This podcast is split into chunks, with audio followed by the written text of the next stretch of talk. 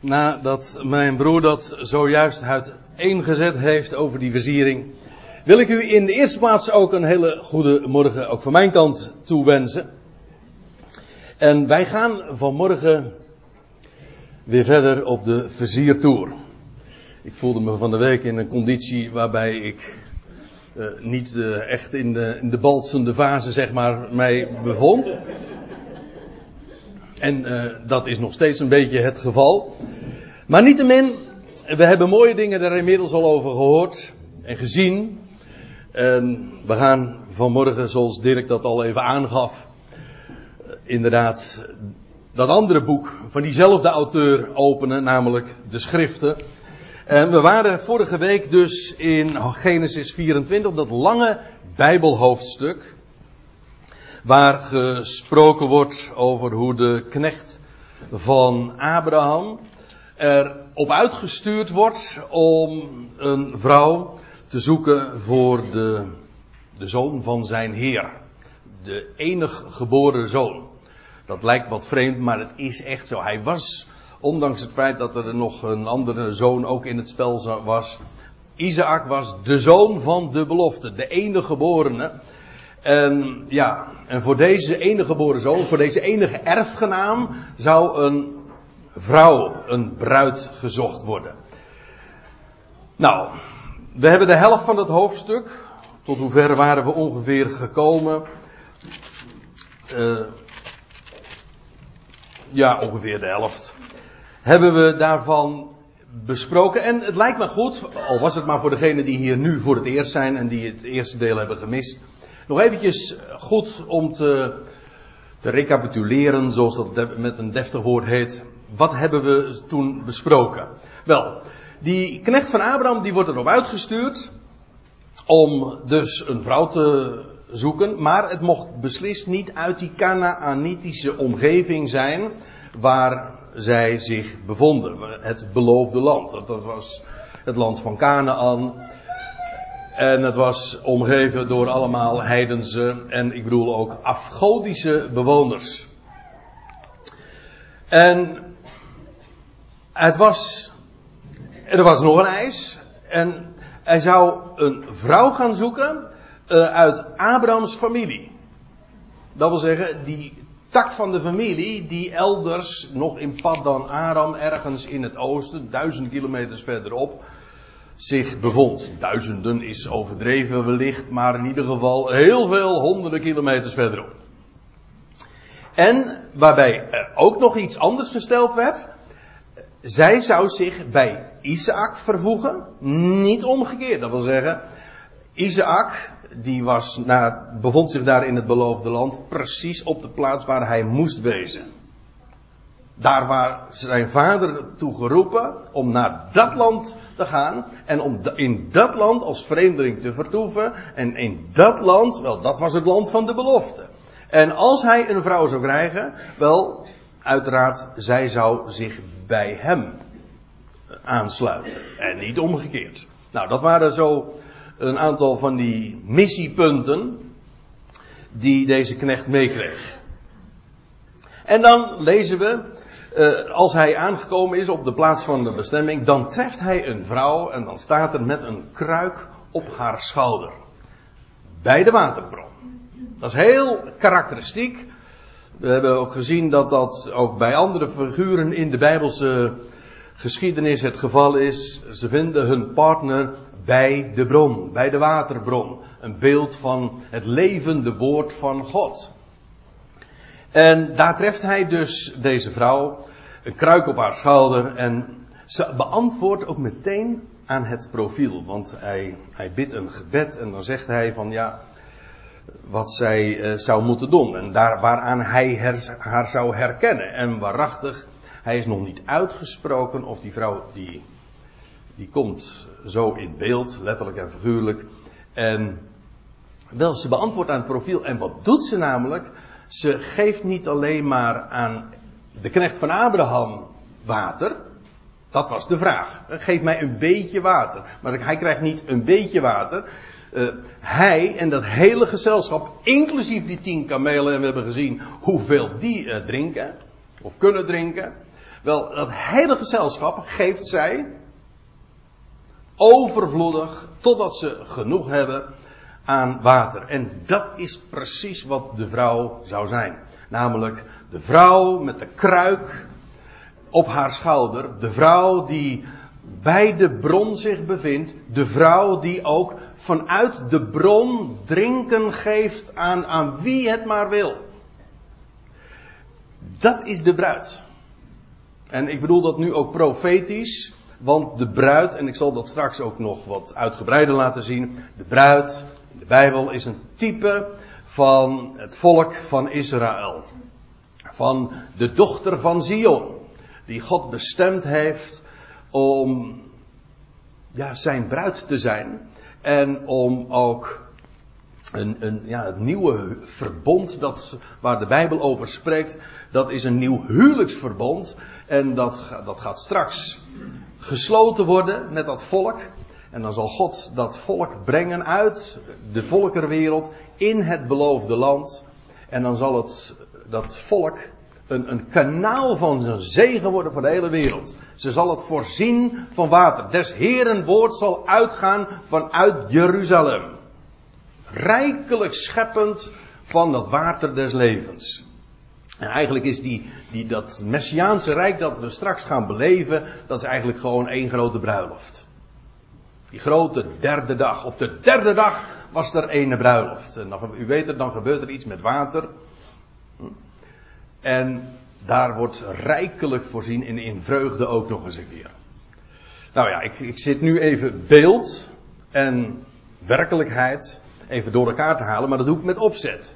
Om te laten zien van deze geschiedenis is niet alleen maar geschiedenis, het is bovenal ook profetie. Uh, ze is bovendien, deze vrouw, bijzonder mooi staat er, jong, maagdelijk, dat wil zeggen, ja, dat is in de Bijbel altijd uh, van belang. Hè, een, maagdelijk, uh, een maagdelijke persoon, speciaal voor die man voor het leven. Ze blijkt bovendien familie van Abraham te zijn precies wat ook de eis was. En als de knecht dit zo meemaakt, is hij verwonderd over deze hele gang van zaken. En hij buigt zich neer voor zijn God. Dat, het, dat God zo voorzien heeft. En je leest dan ook dat de knecht die trakteert Rebecca uh, rijkelijk op, op, op sieraden, doet een ring aan haar neus. En vervolgens lees je dat hij wordt uitgenodigd in de familie om zijn verhaal te doen. En dat gaat hij dan ook doen. En wat we de vorige keer ook al hebben gezien, is dat als hij zijn verhaal gaat vertellen, dan gaat hij ook precies alles vertellen wat er gebeurd is. En dan krijg je eigenlijk een herhaling van de geschiedenis. En een twintigtal versen in Genesis 24 is eigenlijk gewoon niks anders dan wat we al eerder in de geschiedenis vonden opgetekend. Dat is niet onnodig, maar dat is juist om accenten te leggen. Goed, nou, zover waren we ongeveer in de geschiedenis gebleven. En dan haak ik nu aan bij vers 50. Dan lees je als de knecht dus zijn verhaal gedaan heeft. Oh ja, dat moet ik er ook nog eventjes bij zeggen. Want als hij daar dan in die, in die tenten is gearriveerd van Rebecca, een gegoede familie, dat zal straks nog wel blijken. Uh, een gegoede bedoel ik, bedoel ook uh, met veel welstand. Dan wordt een rijke maaltijd voor, uh, voorgezet, eten en drinken, maar die knecht zegt: ik, ik eet geen hap, want ik wil eerst dat woord spreken waar ik mee erop uitgestuurd ben. En, en dan vertelt hij dat verhaal. En dan lees je in vers 50, en daar beginnen we dus uh, voor, deze, dit uh, tweede deel mee. Toen antwoordde Laban, en Laban is eigenlijk hier in deze geschiedenis eh, min of meer de zaakwaarnemer van Betuel. Want de enige keer dat hij hier in deze geschiedenis eh, genoemd wordt, actief, dat is in dit vijftigste vers. Toen antwoordde Laban als ook Betuel en zij zeiden, deze Betuel is voor de rest helemaal buiten beeld. Waarom? Dat, dat weet ik niet. Maar je leest over de moeder van Rebecca. Uh, ze gaat ook meteen naar de moeder uh, van uh, haar eigen moeder toe om te vertellen wat ze allemaal heeft meegemaakt daar bij die bron. Maar voor de rest is die beter wel helemaal buiten beeld. Misschien is het een oude man, of is hij ziek, of weet je veel wat. In ieder geval, Laban neemt de zaak waar. Laban, en dat zagen we ook al, die niet helemaal, geen niet helemaal zuivere motieven heeft. Omdat hij wel heel erg uh, al, al te veel gecharmeerd was van al dat zilver en goud en dat blinkende spul. Toen antwoordde Laban als ook Betuel en ze zeiden, dit is een bestiering van de Heer. In de Statenvertalingstaak, van de Heere is deze zaak voortgekomen. Kan niet missen, God is het die dit zo verleidde. Let op, dit is dus niet alleen maar de conclusie van deze, van deze knecht van Abraham, maar ook nu van Laban en van Betuel. En, en ze zeggen, wij kunnen niets tot u zeggen, ten goede of ten kwade. Want wat wij hier ook over uh, opmerken, het legt geen gewicht in de schaal. God is het die deze zaak dit, dit alles zo zijn beslag heeft gegeven. Het is prachtig zoals God inderdaad zo op de achtergrond zo overduidelijk opereert. Van de Heer is deze zaak voortgekomen, zeggen zij. En dan zeggen ze, zie, daar is Rebecca. Neem haar en ga heen. Hm. Ik zei de vorige keer al, en daar begon ik mee, en misschien is het goed om dat toch nog eventjes te herhalen. En dat, ja, dat is iets wat zich nu eenmaal aan je opdringt wanneer je dit leest. Dit is natuurlijk een geschiedenis van pakweg 4000 jaar oud. En een totaal andere tijd, een totaal andere uh, omgeving in het Midden-Oosten. Zulke andere gewoonten, zulke andere aannames, ook uh, rollen, patronen zoals dat heet. Dit is uh, voor ons soms ook heel vreemd. Maar toen gaf ik vorige week al eventjes de tip. Zet nou eventjes je, je eigen beoordelingen en je eigen aannames en je eigen ethiek en je eigen bril, de manier waarop je tegen dingen aankijkt. Zet het af en lees nou gewoon deze geschiedenis sec, zonder oordelen. Wat, wat zegt dit nu? Want wij hebben natuurlijk toch allemaal uh, een beetje de arrogantie van ja, wij leven inmiddels in 2016. Wij kijken er inmiddels zoveel hoger en ontwikkelder tegenaan, maar dat is natuurlijk onzin. Als je, daar, als je trouwens een beetje afstand neemt van dat idee, alsof de visie die wij nu in Nederland of in het Westen, in dit deel van de wereld, in, uh, in deze tijd, alsof dat nou het hoogste en het beste is. Alsof niet iedereen denkt. En dan zegt van dat is onze moderne visie. Alsof niet elke tijd een, uh, zijn eigen moderniteit heeft. Honderd jaar eh, geleden uh, riepen ze dat ook onze moderne tijd. En waar we, nu kijken wij daar lacherig op terug. Ik bedoel, wat zegt dat? Goed. Dat zeg ik eventjes. Omdat we nu ook weer bij zoiets aankomen. Want ja, dan, dan wat lees je dan? Uh, Rebecca, die wordt gewoon uitgehuwelijkd. Hier. Want het is Betuel en Laban, zijn zaakwaarnemer zeg maar, die Rebecca aan deze knecht meegeven. Zie, daar is Rebecca, neem haar, ga heen. Natuurlijk was Rebecca, had zich al enthousiast betoond. En die heeft ongetwijfeld haar mening daar wel in gegeven. Maar dat is niet beslissend. Kijk, in de, in de Bijbel is het zo. En dit zeg ik nou niet om, uh, uh, om bezoekers te trekken voor deze bijeenkomst. Want ik kan me voorstellen dat dit uh, misschien tegen sommige haren instrijkt. Maar ik vertel gewoon zoals de, de Bijbel deze dingen beschrijft. En een huwelijkssluiting is in feite een eigendomswisseling. Eh, de vader van de bruid, die geeft zijn dochter weg, namelijk aan een andere man. Ze was de dochter van de vader, hij in het bijzonder, van, hij behoorde bij de familie, en nu gaat ze een eigen weg en ze wordt weggegeven aan een andere man.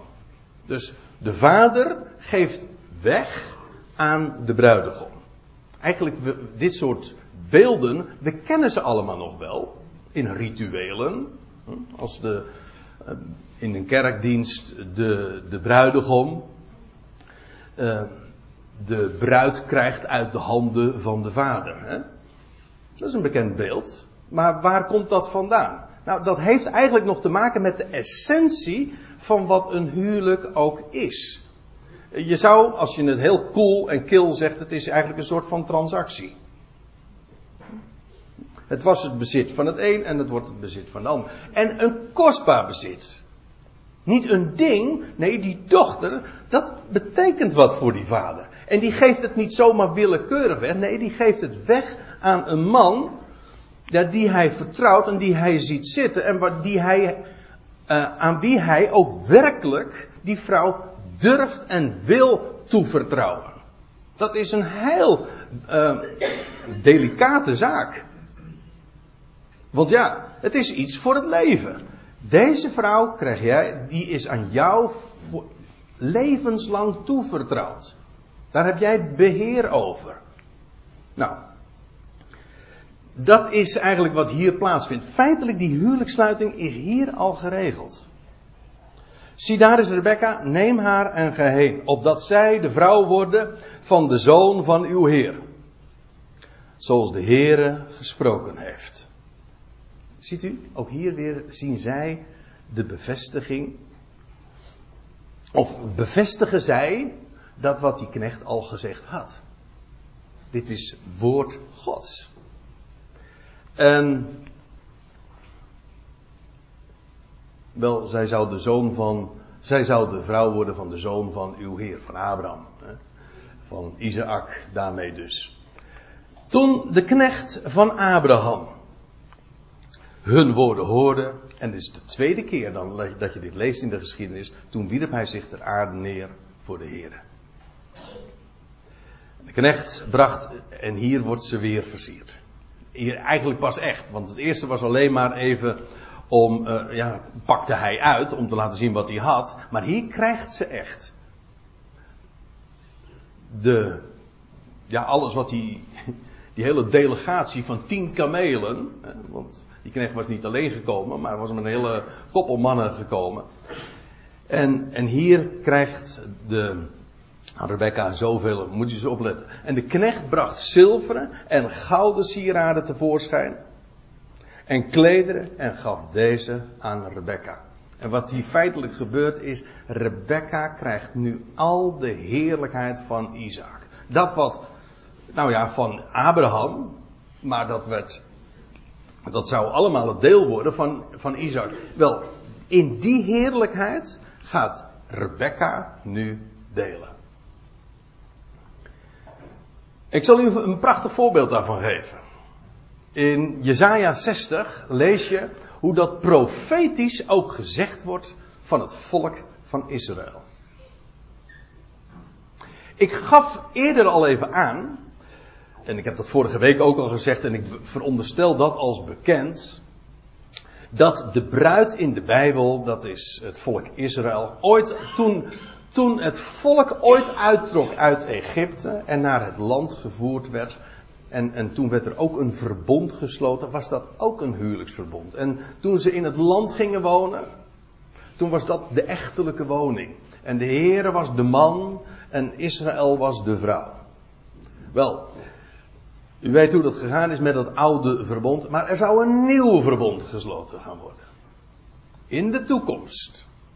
En dan zou God zijn volk opnieuw op, opzoeken. En, en te midden van de natie vinden en vervolgens brengen naar het beloofde land. En, en de profeten spreken daarover. Over de identiteit van die bruid hoeven we helemaal niet moeilijk te doen. Dat is, onmiskenbaar, dat is het volk van Israël.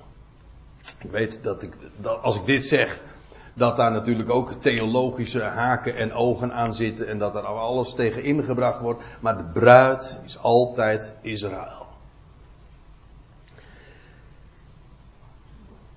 Jezaja 60 vers 10. Daar lees je dit. Ik verblijd me. Dan zegt Jezaja dit. Ik verblijd mij zeer in de Heer. Mijn ziel juicht in mijn God, want hij, en dan moet ik er nog even iets bij zeggen.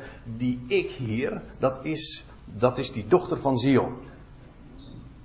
Dat wil zeggen, het, het, het volk van Israël dat zich verheugt in de Heer. Hier wordt dat, uh, hier uh, spreekt zij.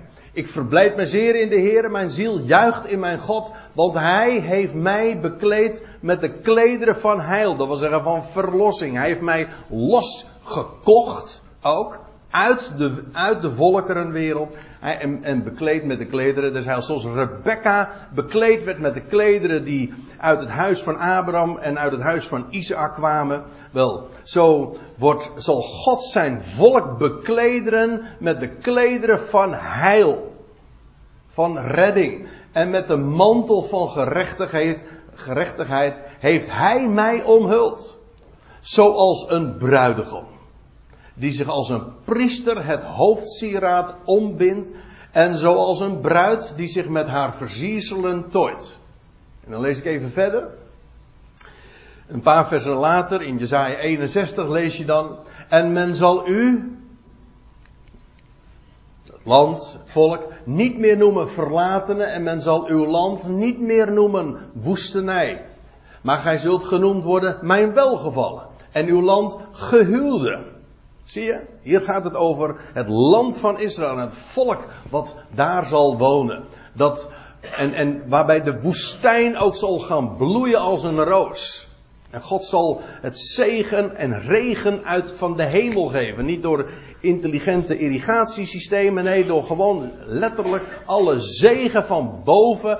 En, en dat land dat zal eh, veranderen van een woestijn in een, in een paradijs. Mijn welgevallen zal het heten. Uw land gehuwde. Want de Heere heeft een welgevallen aan u. En uw land wordt ten huwelijk genomen. Uw land, o volk Israël. Want zoals een jongeling een maagd huwt, zullen uw zonen u huwen. Zoals de bruidegom zich over de bruid verblijdt, zal uw God zich over u verblijden. Nou, over de identiteit van de bruidegom.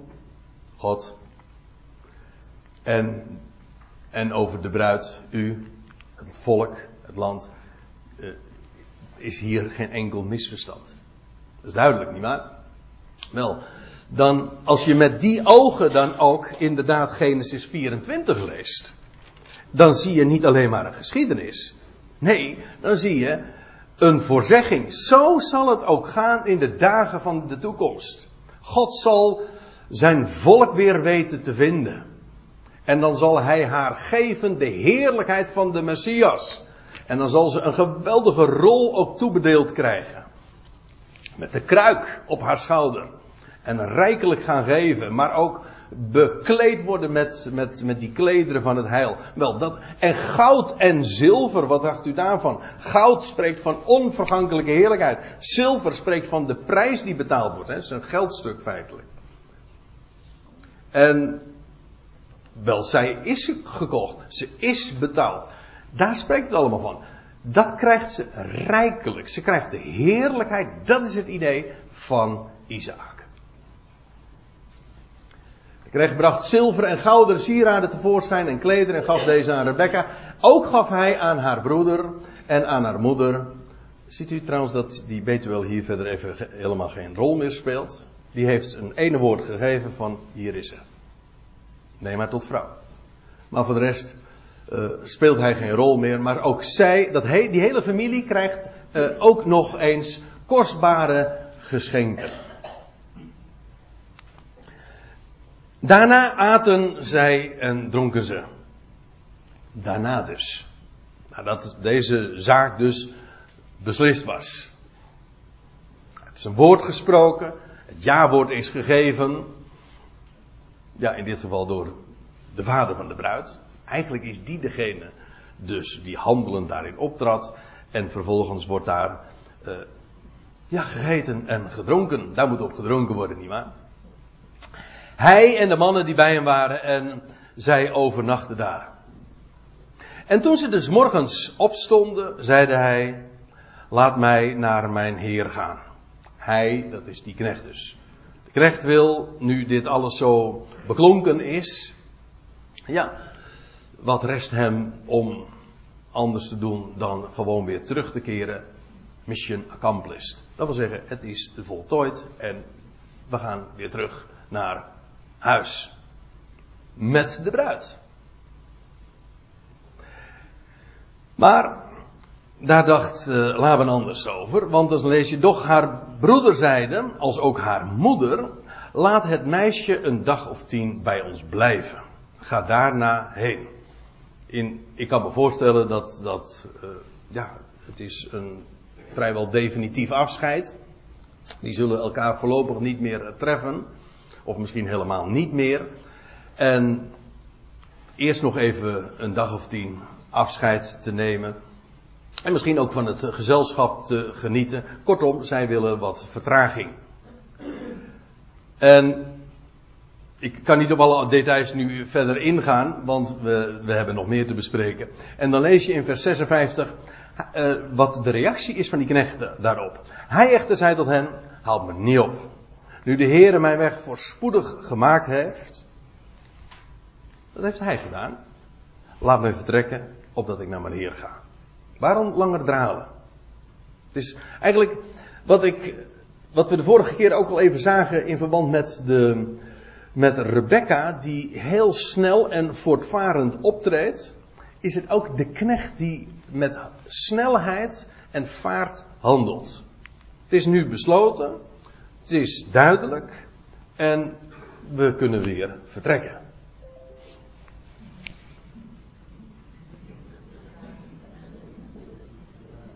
Oh, nee, dan moet ik.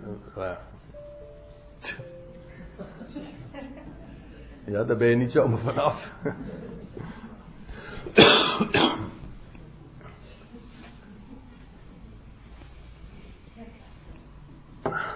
Huh? Jij hebt een andere. Ja, ja, ja. Ja, er, er waaien zoveel virussen momenteel rond, hè. Uh, hij, de, de knecht dus, uh, die zei, uh, houd me niet op, nu de Heer mijn weg voorspoedig gemaakt heeft, laat me vertrekken, opdat ik naar mijn Heer ga. En daarop zeiden zij, sorry hoor, daarop zeiden zij, laten we, laten we het meisje roepen en het haar zelf vragen. Kijk, hier wordt Rebecca zelf erin gekend. en toen riepen zij Rebecca en ze zeiden tot haar, uh, wilt gij met deze man meegaan? Dat wil zeggen, wil je nu met deze man meegaan? Eigenlijk de vraag was niet zozeer, wil je met deze man meegaan? Dat was eigenlijk al duidelijk. En de, in deze, het feit dat dit nu zo aan de vraag, uh, aan deze vraag wordt voorgelegd aan Rebecca, daarin herkennen wij dan weer iets uh, van onze geëmancipeerde tijd. Zeg, aha, nu wordt toch het meisje er ook nog in gekend. Nou, wij ook weer tevreden. Hè? En haar antwoord is ja. Wat is daarop uw antwoord? Ja. Kort, maar bijzonder krachtig. En niet alleen maar het antwoord is dat zij met hem met, uh, wil meegaan, maar dat ze nu ook direct met hem wil meegaan. Ook zij wil nu, wederom, niet langer wachten. Nee, logisch. Inmiddels was zij zo getriggerd. Vergis je niet, die man die heeft veel verteld over, over dat land eh, waar hij vandaan kwam en waar Isaac woonde en de heerlijkheid van Isaac. En, maar ook over de God van Isaac en de belofte die God had gegeven.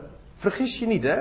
Over de belofte die God had gegeven aan Abraham en Isaac, aan, aan Abraham en zijn zaad.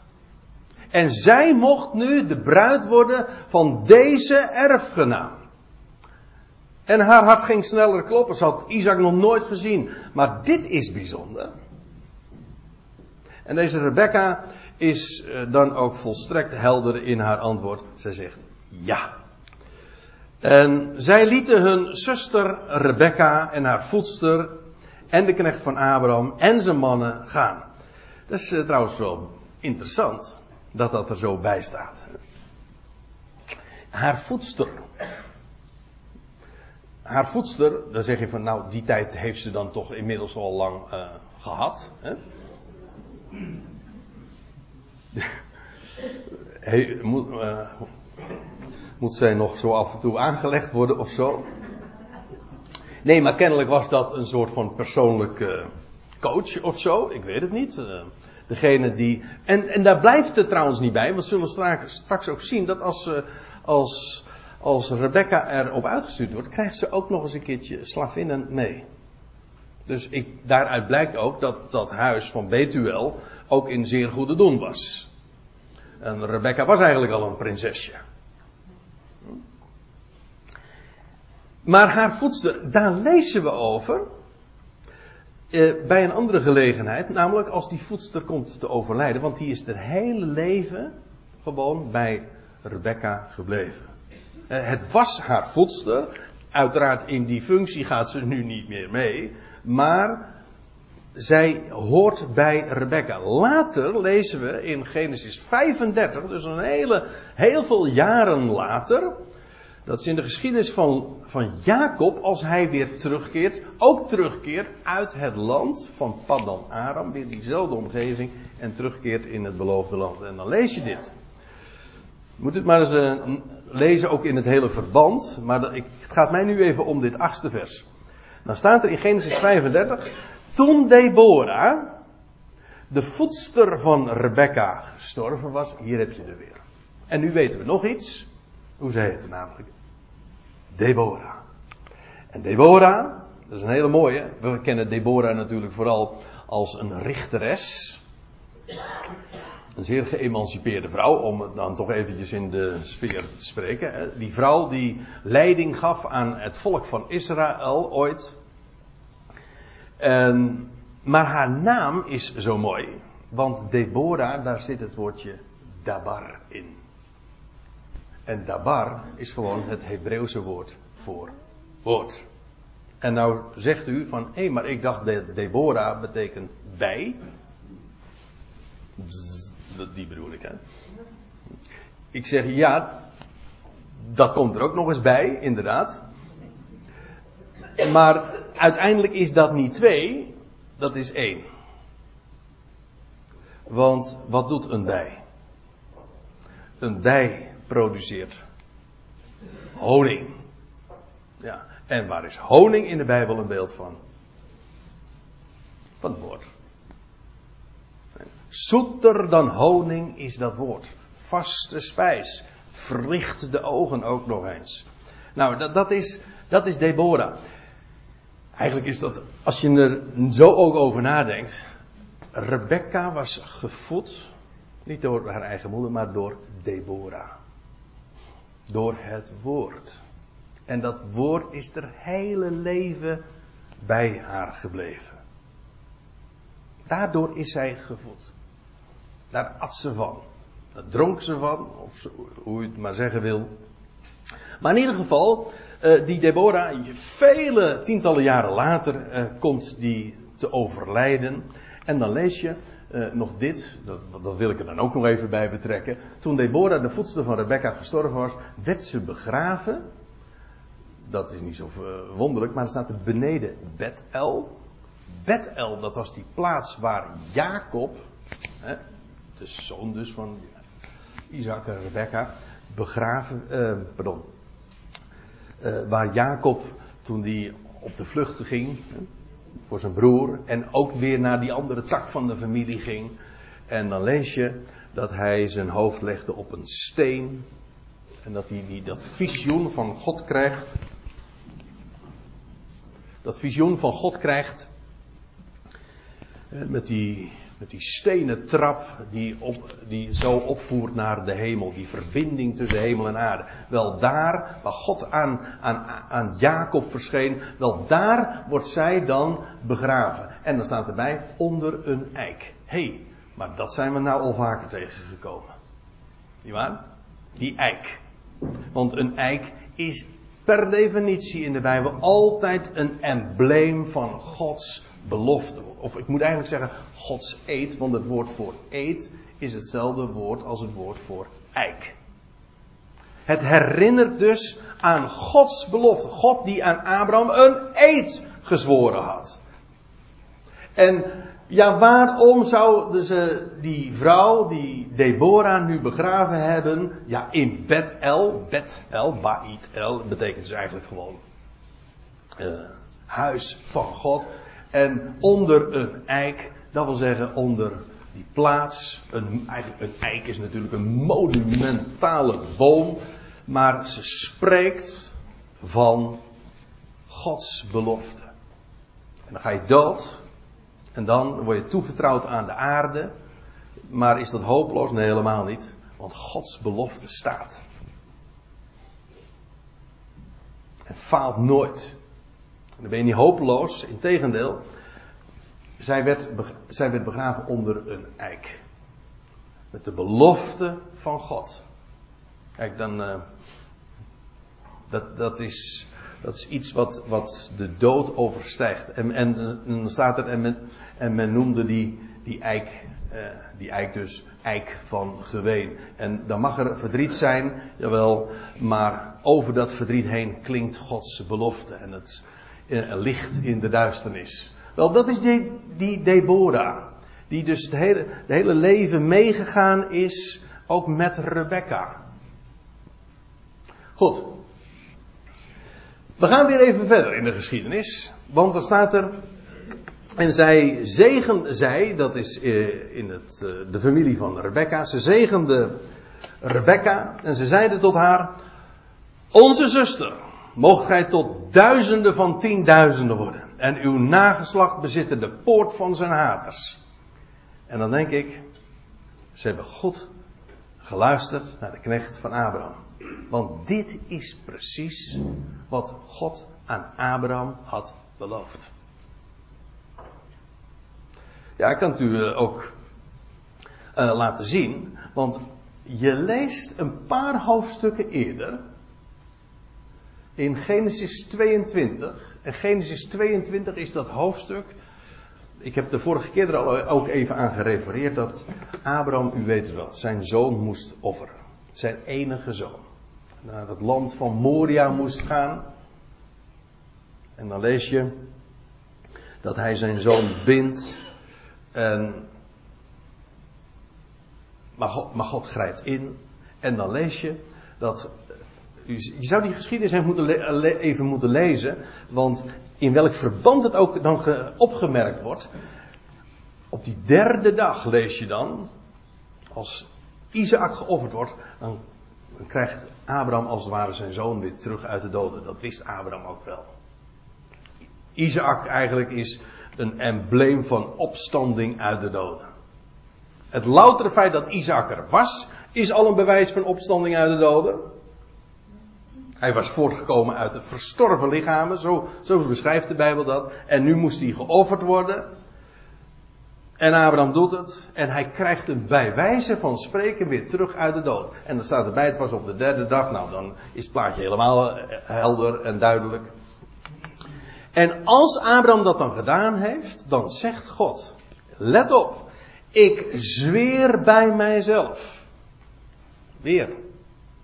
Eh, je zou denken dat God vaak zweert, maar dat is niet zo.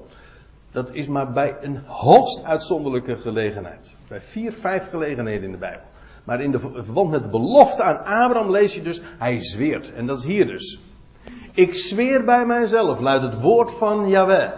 Omdat gij dit gedaan hebt en uw zoon, uw enige, mij niet onthouden hebt. Zal ik u rijkelijk zegenen en uw zaad zeer talrijk maken. Als de sterren des hemels en als het zand aan de oever van de zee. En uw zaad zal de poort van zijn vijanden in bezit nemen. Precies wat de familie aan Rebecca toewenst. Zegt van dat dat jou mogen gebeuren. Dat je, uh, hoe, stond het er nou precies? Uh, onze zuster mogen gij tot duizenden van tienduizenden worden. Als, als het zand aan de oever van de zee en als de sterren des hemels. En uw nageslacht of uw zaad bezitten de poort van zijn haters. Ja. Nou, dat is precies wat er aan Abraham beloofd was. En als Rebecca dus de vrouw wordt van Isaac, deelt zij ook in die belofte. Dat is hoe Rebecca deel gaat krijgen aan, aan die eed. Trouwens, ik wil op nog één ding wijzen. Isaac is natuurlijk een geweldig type van de Messias. Van de Heer Jezus Christus. Degene die opstond uit de doden. De zoon van de belofte. Maar omdat, omdat hij dat offer gebracht heeft. Omdat die enige zoon geofferd is. Daarom vanwege dat offer en vanwege die derde dag, wat er toen gebeurde, wel, daarom zal God rijkelijk gaan zegenen. Daarom. Zie je dat in Genesis 22 gewoon al een magnifieke licht schijnt. Zoals dat in het Nieuwe Testament straalt. De zoon van Abraham, de beloofde zoon van Abraham, in wie alles gerealiseerd zal worden. We gaan weer even verder.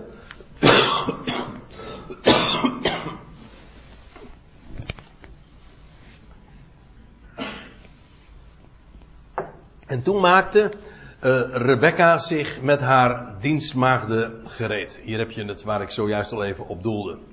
Het, uh, het gezelschap is dus nog veel groter. Dus niet alleen maar uh, Deborah ging mee, die voedster van Rebecca, maar ook nog meer vrouwen. Ze maakte zich met haar dienstmaagden gereed. Stonden allemaal ten dienste, ter beschikking van Rebecca. En ze reden op kamelen weg en ze volgden de man. En de knecht nam Rebecca mee en ging heen. En inderdaad, we weten niet, in, vanuit de Bijbel in ieder geval, dat zij elkaar ooit weer hebben getroffen. Het is later zoon Jacob, die dan weer teruggaat naar Laban, maar van een ontmoeting met Rebecca lezen we niet. En dan komen we in een andere gedeelte van de geschiedenis. Eigenlijk grote slotakkoord waar het dan in moest gaan eindigen. En dan lees je dit in vers 62. Hier komt Isaac eindelijk in de picture. En Isaac kwam uit de richting van de put Lachai Roi. hey, uh, twee dingen. In de eerste plaats valt het op dat hij ook al bij de put vandaan komt.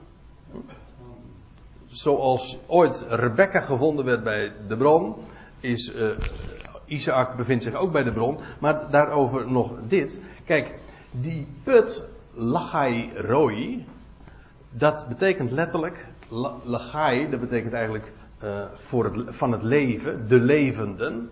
En dat rode, dat heeft te maken met zien. Degene die mij ziet. Dus de bron van de levende die mij ziet. En weet u waar deze geschiedenis, of waar deze naam aan ontleend is?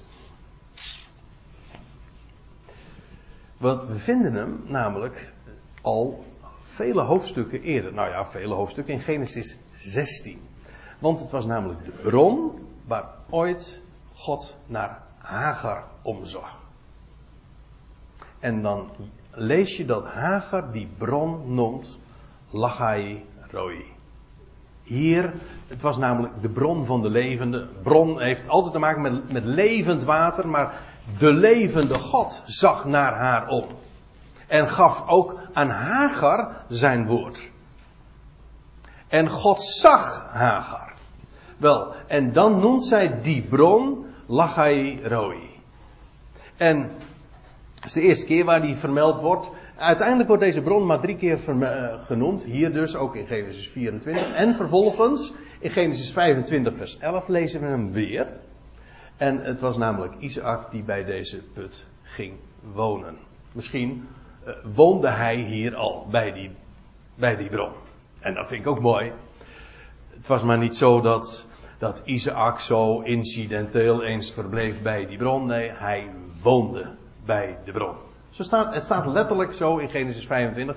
Als zij elkaar getroffen hebben, dus als zij inmiddels getrouwd zijn en uh, inmiddels geloof ik ook al kinderen hebben, dan lees je, zij woonden bij de bron Lachai Roi. De bron van de levende die mij ziet. Kijk, wat je daarmee ook vaststelt, is deze mensen, ja, wat waren zij? Pelgrims. onderweg.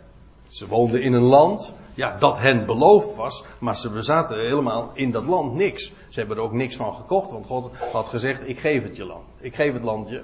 En, en bovendien wist Isaac ook, het duurt nog honderden jaren voordat ons nageslacht daadwerkelijk dit land gaat bezitten. Dus ze leefden in, een, in het land van de belofte, maar het was het hunne nog steeds niet. Ze waren dus echt pelgrims, ze woonden in tenten, natuurlijk in goede doen, zeer voor, door God gezegend. En, maar wat was het nou? Waren zij nou zo bijzonder? Nou, ik zou zeggen, lees deze hoofdstukken gewoon eens door. En wellicht hebt u dat uh, ooit wel eens gedaan. En dan zult u toch ook wel gemerkt hebben van, goh, die, dat waren toch ook echt net mensen, zeg.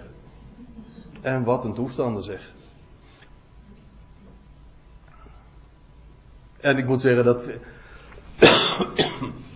Neem me niet kwalijk.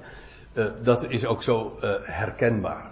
Ik, we hoeven ons niks te verbeelden. Weet je wat het bijzondere was? Ze hadden Gods belofte op zak.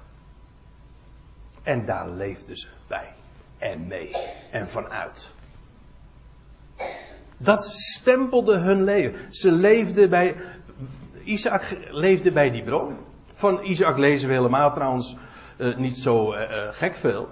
Maar het enige wat we weten is, hij moest bij de bron wezen. En je leest later in Genesis 25 en 26 ook een prachtige geschiedenis, dat hij de bronnen weer opzoekt. Die ooit zijn vader Abraham had gegraven en die de Filistijnen weer hadden dichtgegooid. En hij opent die putten weer. Hij leeft bij de bron, maar hij leeft bij de bron Lachairoi. En dat verwijst naar hem. Dat was hun leven. Dat is ook precies wat ons onderscheidt. Wat een gelovige onderscheidt van de wereld. Wat was die anders? Ja, wij hebben hoop. We hebben een, de beloften van God. God heeft gesproken. Daar leven we mee. Wel, Isaac bevond zich daar. En hij, la, laten we even verder lezen. Uh, hij kwam uit de richting van de put Lachairoi. Uh, hij woonde namelijk in het zuiderland. Eigenlijk staat hier in het Hebreeuws, hij woonde in het land van de Negev. Dat is het Hebreeuwse woord wat hier gebruikt wordt, de Negev. En u kent dat, dat is inderdaad het zuidelijke land van, van Israël, wat nu eigenlijk gewoon pure woestenij is. Maar wat straks dus inderdaad uh, Edense uh, glans zal gaan krijgen. Paradijselijk zal worden. In het land van de Negev. Uh, het is de wildernis van het zuiden. En dat is ook nog zo mooi. Want, wat lees je? Maar nu ga ik een beroep doen op uw uh, kennis die, van de profetie. Wat lees je namelijk? Dat God straks in de toekomst een plaats zal bereiden. Nee, hij heeft een plaats bereid in de woestijn voor de vrouw. Dus die. is gewoon de bruid, hè.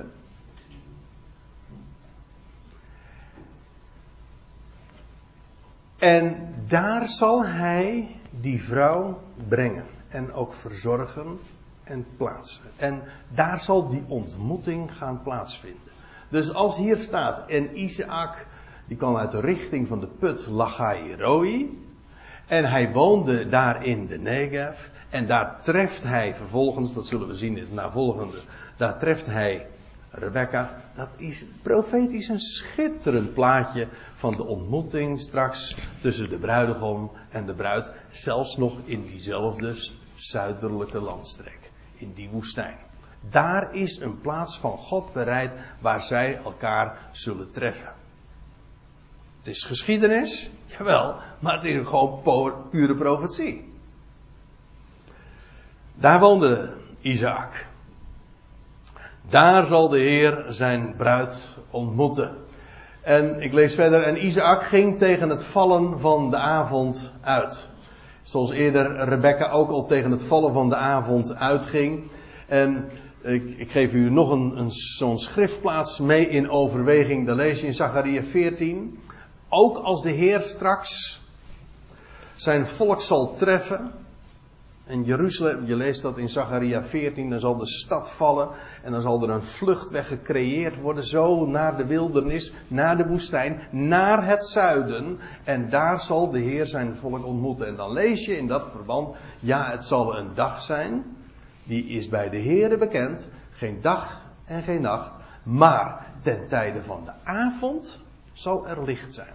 Hele mysterieuze zin. Het heeft iets, het kan niet anders, te maken met het feit. In de het zal een bijzondere avond zijn. En in de avond zal niet het licht vallen, of eh, het licht verdwijnen. Nee, ten tijde van de avond zal het juist licht zijn. Daarom geloof ik dat uh, dit tijdstip ook nog profetisch is. U moet dat zomaar eens een keer voor uzelf ook overwegen. Uh, hoe die lijnen nog meer uh, gedetailleerd kunnen we uiteenvallen en hoe je die lijnen uh, ook kunt zien en herkennen in de profetie. Goed, dit is zomaar zo een suggestie. Isaac ging tegen het vallen van de avond uit en dan staat er om te pijnsen in het veld. Ja, andere vertalingen zeggen zich uh, om te mediteren. Eigenlijk staat hier een Hebreeuws woord dat betekent zich neerbuigen. En in de, in de psalmen wordt het ook nog wel eens gebezigd. En degenen die een reformatorische achtergrond hebben en die psalmen gewend zijn te zingen, die kennen die uitdrukking wel, oh mijn ziel, wat buigt u neder. En dat heeft te maken dus met, ja, met rouw. Met verdriet. En ik, eh, geef hier nog een schriftplaats bij waar dat heel uitdrukkelijk blijkt, waar ook ditzelfde woord, wat de grondbetekenis ook gebezigd wordt. En daar heeft het die betekenis om, om zich neer te buigen. Isaac ging in het veld uit om zich neer te buigen. Ja, hoezo? Was er verdriet? Dan zeg ik, jazeker. Want dat zullen we straks ook zien. Hij had, hij had verdriet vanwege het wegvallen van zijn moeder. Zijn moeder was overleden. We zullen dat straks ook zien. Dus dan blijkt dat woord helemaal te kloppen. Hij ging tegen het vallen van de avond uit om te pijnsen of te, zich neer te buigen, te rouwen in het veld. En hij sloeg zijn ogen op en, daar, en zag daar de kamelen aankomen. Kijk, dat vind ik mooi. Want als je dan ook die betekenis even vasthoudt, zich neerbuigen, zo ging hij uit. Met verdriet. Jawel, maar hij sloeg zijn ogen op. Dus dat neerbuigen dat heeft te maken met rouw. En vervolgens wat hij wat doet, uh, wat hij daar doet, ja dat is rouwen. Maar wat hij ziet aankomen, dat is nieuwe hoop. Zijn moeder was van het toneel verdwenen. En nu kwam daar de bruid. Nieuw leven. Ook dat zie je eigenlijk ook nog. De dood maakt plaats voor leven neerbuigen, de ogen opslaan. Toen Rebecca, dat is ook eigenaardig als je dat leest. Toen Rebecca haar ogen, opsloeg, uh, Rebecca haar ogen opsloeg, dus beide sloegen haar ogen op, hun ogen op, en Isaac zag, liet zij zich van de kameel glijden. Waarom? Hm? Hebben jullie die vraag wel eens verteld? Maar dat kan niet anders dat zij in die man die zij nu zag, Isaac herkend heeft. En hoe, hoe kun je spreken van herkennen als hij hem nog nooit gezien heeft? Jawel, maar er zal er al een hele lange reis op zitten en die knecht heeft verteld, uitgebreid verteld over haar Heer. En over de bruidegom. En zij heeft Isaac kennelijk gewoon herkend door de beschrijving die haar was voorgehouden. Ik zet hier een vraagteken, het staat er niet bij, maar hoe zou je anders deze reactie kunnen verklaren? Ze wist, ze kon niet anders, het kon niet anders zijn dat dit moest hem zijn.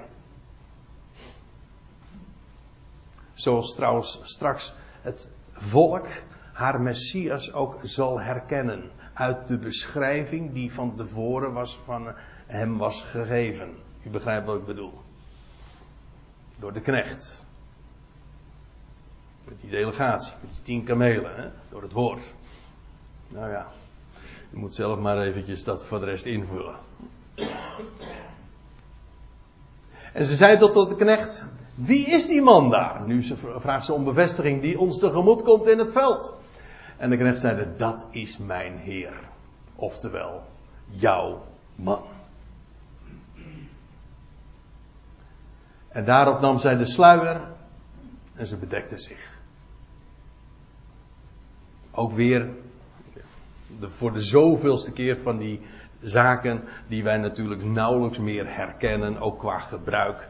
Maar dit geeft in de Bijbel dit aan. Namelijk, als zij uh, Isaac ziet en zij bedekt zich, gewoon heel uitdrukkelijk voor hem, dan geeft ze daarmee aan, slechts jij mag mij ontdekken. Hm? De bedekking wegnemen. En dit is ook weer zo'n heel bekend thema in de, in de, ja, in de profetie ook. De bedekking die wordt weggenomen. Ook in type zie je dat. De, de besnijdenis, de bedekking wordt weggenomen. Maar wat dacht u wat? Als straks het volk de Messias zal zien. Wat er gebeurt is dat dan zal hij de bedekking daadwerkelijk ook wegnemen. En er is een heel hoofdstuk in de Bijbel dat daarover gaat. En tot op heden toe staat er, lees, lees je over Israël, ligt er een bedekking op hun hart. Ja, omdat die bedekking slechts verdwijnt in Christus. En dat zal ook gebeuren. Dit is een daad ook van, van eerbied en van complete toewijding. Ik ben alleen van, van, van jou, van, van Isaac. En de knecht, lees je dan, die vertelde Isaac alles wat hij gedaan had. En toen bracht Isaac, dat is het laatste vers in dit hoofdstuk. En toen bracht Isaac haar in de tent van zijn moeder Zara. En hij nam Rebecca en ze werd hem tot vrouw. Formeel was ze dat eigenlijk al, maar nu, want ze was inmiddels al weggegeven door haar vader. En nu ook daadwerkelijk. Nu werd ze zijn vrouw. Werd ze, werd ze hem daadwerkelijk tot vrouw. Zo gaat dat. En dan staat er nog iets moois bij. En hij kreeg haar lief. Vorige keer hebben we, heb ik er al even op gewezen. Dus eigenlijk bij het begin, toen wees ik al eventjes iets op, het, op de eigenaardige afsluiting. En nu zijn we zover. En dan wil ik er nog eens een keer op wijzen. Hoe eigenaardig is dit? Bij ons is het zo. Er is liefde. Er is verliefdheid, moet ik beter zeggen. En vervolgens, dat is het motief om te trouwen. Nee, Isaac trouwde Rebecca niet omdat hij haar lief had. Hij kreeg Rebecca lief omdat hij haar had getrouwd. Dat is de verhouding. In de Bijbel is liefde, de, of gevoelens van verliefdheid, zijn nooit de basis voor een huwelijk. Het ontbreken ervan is trouwens ook geen reden om het huwelijk te beëindigen. Het is niet de basis, het geeft het huwelijk inhoud, dat is wat anders. Maar de basis van een huwelijk is trouw. Hij kreeg haar lief. Waarom? Wel, jij bent mijn vrouw. Jij hoort bij mij voor het leven. Het is een verbintenis tot de dood scheidt. Hij, en om die reden kreeg hij haar lief. En u begrijpt, ook dit is profetisch. Dit is profetisch. Straks zal dat ook voor het volk gelden en, en beleefd worden. En zo, en dan lees je, en dat is het laatste uh, deel van, van, en de laatste zinsnede in Genesis 24. Zo vond Isaac troost na de dood van zijn moeder. En feitelijk is het dus zo. In de tent van Zara, daar was dood. Daar was, ja, Sarah was overleden. En nu maakte, uh, kwam er een nieuwe vrouw in die tent. Rebecca. Leven na en in plaats van de dood. En ik wil afsluiten met een, een citaat uit het boek Jezaja, waar ik zojuist al even uit citeerde, eerder. En dan staat er dit. En ook daar gaat het weer over die toekomende tijd waarin die, die toekomende bruiloft, de bruiloft van het lam, de dag dat de Heer zijn volk zal huwen en dat hij zijn bruid zal brengen in het land. En dan lees je bij die gelegenheid, en dan staat er om alle treurende te troosten.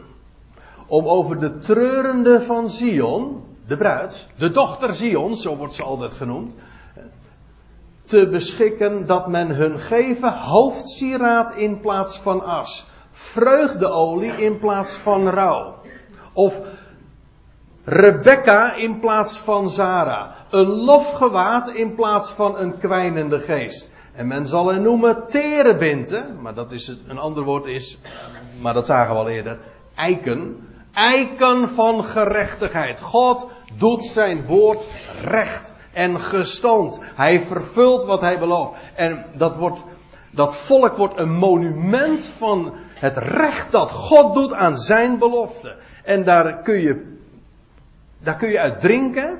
Daar kun je van doorgeven. Daar kun je niks aan toedoen. Daar kun je niks aan afdoen. Maar je kunt daar inderdaad je in verblijden en uitrusten. Isaac heeft erbij geleefd. Rebecca heeft erbij geleefd.